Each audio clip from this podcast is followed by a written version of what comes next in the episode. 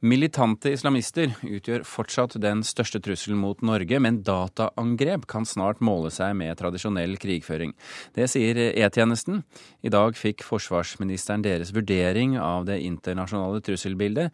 Forsvarsminister Espen Barth Eide sier det er viktig å forebygge slike digitale angrep at Norge er eh, løpende under angrep i det digitale rom, og må altså løpende treffe mottiltak. De, mange av de virker ganske godt, men jeg tror det spesielt i det sivile sektoren er eh, mye naivitet og, og litt for mye tillit til en del av det vi som både offentlige aktører og privatpersoner gjør. Og det har blitt bedre, sier Barth Eide. Vi har blitt bedre til å beskytte oss enn vi var før, men truslene vokser raskere og Derfor er avstanden mellom beskyttelsestiltakene og truslene stadig større.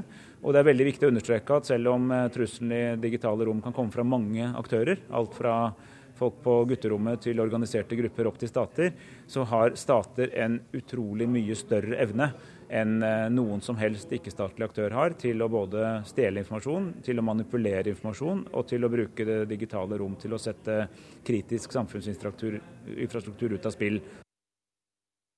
Ja, det sa forsvarsminister Espen Barth Eide, ble intervjuet av Tone Gullaksen.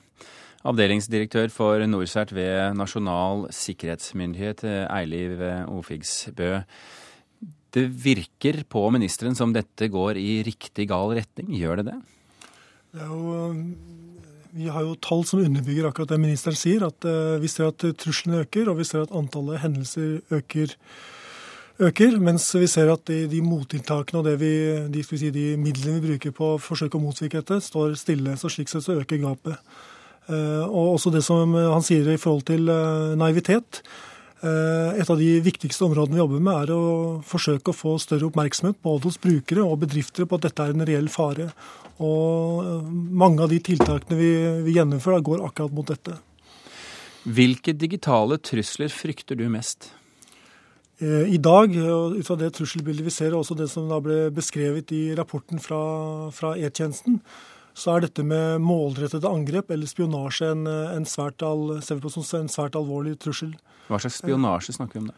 Eh, vi har, jo, vi har, jo sett eh, flere eksempler på dette, og vi har flere saker som vi, som vi, har under kontinuerlig oppfølging i forhold til dette her. Og det vi ser, er jo at uh, aktører går mot norske, særlig norsk høyteknologiaktører, f.eks. innen olje og gass, energi, det kan være også forskningsmiljøer.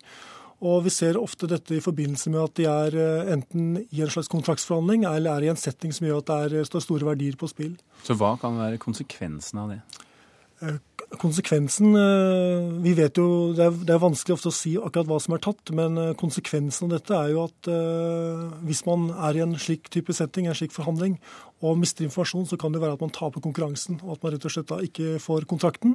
Og at det deretter går utover skal vi si, den konkurranseevnen til bedriftene på, på sikt. Så er det rett og slett et spørsmål om økonomisk tap, eller også trussel mot menneskers liv og sikkerhet? Eh, det Som det sto i, den, eh, i rapporten fra, fra E-tjenesten, så i fredstid så ser vi er jo særlig trusselen i forhold til økonomisk tap. Eh, og Det, det, det, samme, det sammenfaller med det vi ser. Eh, I eh, erfaringer tilsier også, i forhold til de konfliktene vi har vært inne i siste tiden, som i forhold til eh, både Estonia, egentlig ikke en konflikt, men i hvert fall de, de hendelsene som var der, og også i Georgia, så er det slik at vi ser cyber som en, som en integrert del av en sånn type operasjon. og Det må vi kunne forvente både i fremtidige eventuelle krigshandlinger, og også i terrorangrep og sånne opptappingsaksjoner. Lektor ved Norges informasjonsteknologiske høgskole, Sigmund Moen. Hva frykter du mest? Jeg frykter mest slurv blant de som jobber i forbindelse med data og datasystemet. Jeg. Eh, en av de største katastrofene i Gåsøya som har skjedd her i Norge, skjedde i 2001. Da var minibanksystemet ute i ca. ei uke, og Dagbladet viste bilder av eh, pensjonister på Lambertseter som holdt på å svalte i hjel fordi de ikke fikk penger. Den feilen skyldtes eh, menneskelig svikt. Det var en operatør på et eh, datasenter her i byen som var årsak til hele greia. Sånn er det også i de aller fleste andre tilfeller at det er, hvis vi skal bli bedre når det gjelder datasikkerhet, så er det spørsmål om å heve arbeidsmoral og kompetanse til de som jobber innafor systemer. For, for, for, hackere som vil inn, og spioner som vil inn, de er på jakt etter eh, menneskelig svikt i programmeringen, er det ikke sånn? Jo, det, det er de. Eh, det er akkurat det de er. og hvis de finner noe høl altså, som ikke er tetta igjen, altså det kan være alt mulig. Altså det kan være ei ulåst dør inn til et printerrom i et datasenter, eller det kan være en PC som blir stående på, altså innlogga. Hva som helst er de villige til å benytte seg av. Men hvis det er noen som har vonde ting i, i, i, som ønsker å skade eh, Norge. Og det har de jo nå vist i fjor at det er det jo folk som ønsker. Det skulle ikke være noe sånn sett et problem da f.eks. å eh, sette opp to hacke NSB eller Jernbaneverkets datamaskin og sette opp grønt lys i begge retninger f.eks.?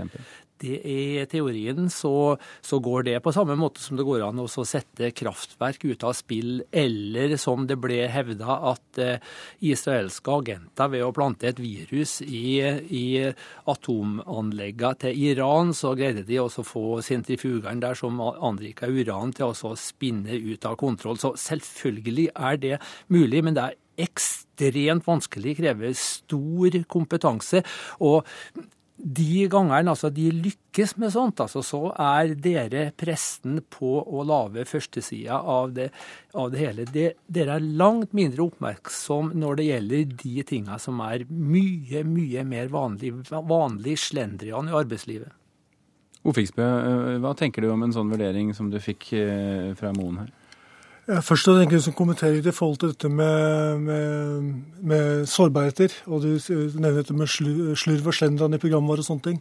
Og det, Jeg støtter deg enig i det. Jeg tror også en, en, annen ting som vi er veldig viktig å fokusere på, er de menneskelige aspektene. Altså, det vi ser på mange av disse angrepene, er at det er at det er eh, Første skrittet vil være å forsøke å lure en bruker til å åpne et eller annet. Og Da kan det f.eks. være at eh, du mottar en e-post som ser ut til det kommer fra sjefen eller noen andre internt i bedriften. 'Hei, du har fått eh, lønnsøkning', eller 'her er invitasjon til fest'. Og så åpner man det, og så, så har du installert programvare på, på, maskinen din. Så det å jobbe ikke bare, altså, det å tro at dette er et teknisk problem, det er det ikke. Det er også et problem i forhold til oppmerksomhet og, og kompetanse hos sluttbrukeren. Så det, det, er, det er det viktig å fokusere på.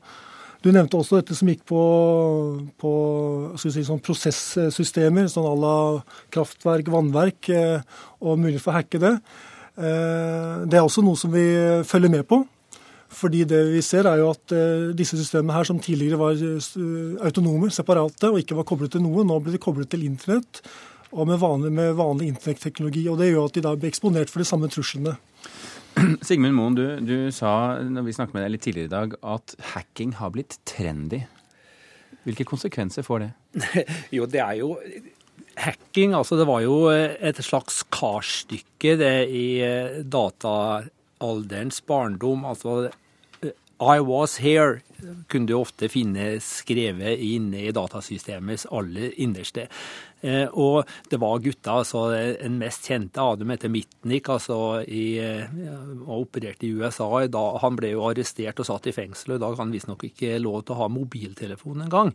Etter hvert, altså, så, som data ble mer vanlig, og eh, også mye mer sårbart, for vi har jo bygd et, et kråkeslott av en dataverden. Altså det er blitt lettere og lettere å oppdage åpne dører.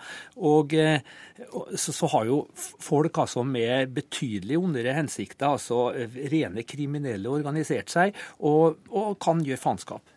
Så det er noe å frykte likevel? Altså. Jo, det er, det er, noe å frykte, men måten vi håndterer det på så Det er ikke ved å bygge stadig mer teknologi rundt det, altså, men det er måten er å fortelle folk, deg og deg og meg, at det her, hva, er det som, hva, er det som, hva er det som skjer når f.eks. Russland da i krigen mot Georgia, altså når de da drev med såkalt cyberkrim, hva var det de gjorde? Jo, de overbelasta eh, systemene i, i, Georgia sånn at ingen andre kom inn. Det tilsvarer hvis du ville skade eh, eh Ikea, så da må du leie 50 drosjer, parkere med innkjørsler, så kommer ingen andre inn. Vi må gi folk inntrykk av hva det dreier seg om. Vi har en hjemmelekse å gjøre, med andre ord. Yes. Tusen hjertelig takk, Sigmund eh, Moen og Eilif eh, Ofiksbø, for at dere kom til Kulturnytt.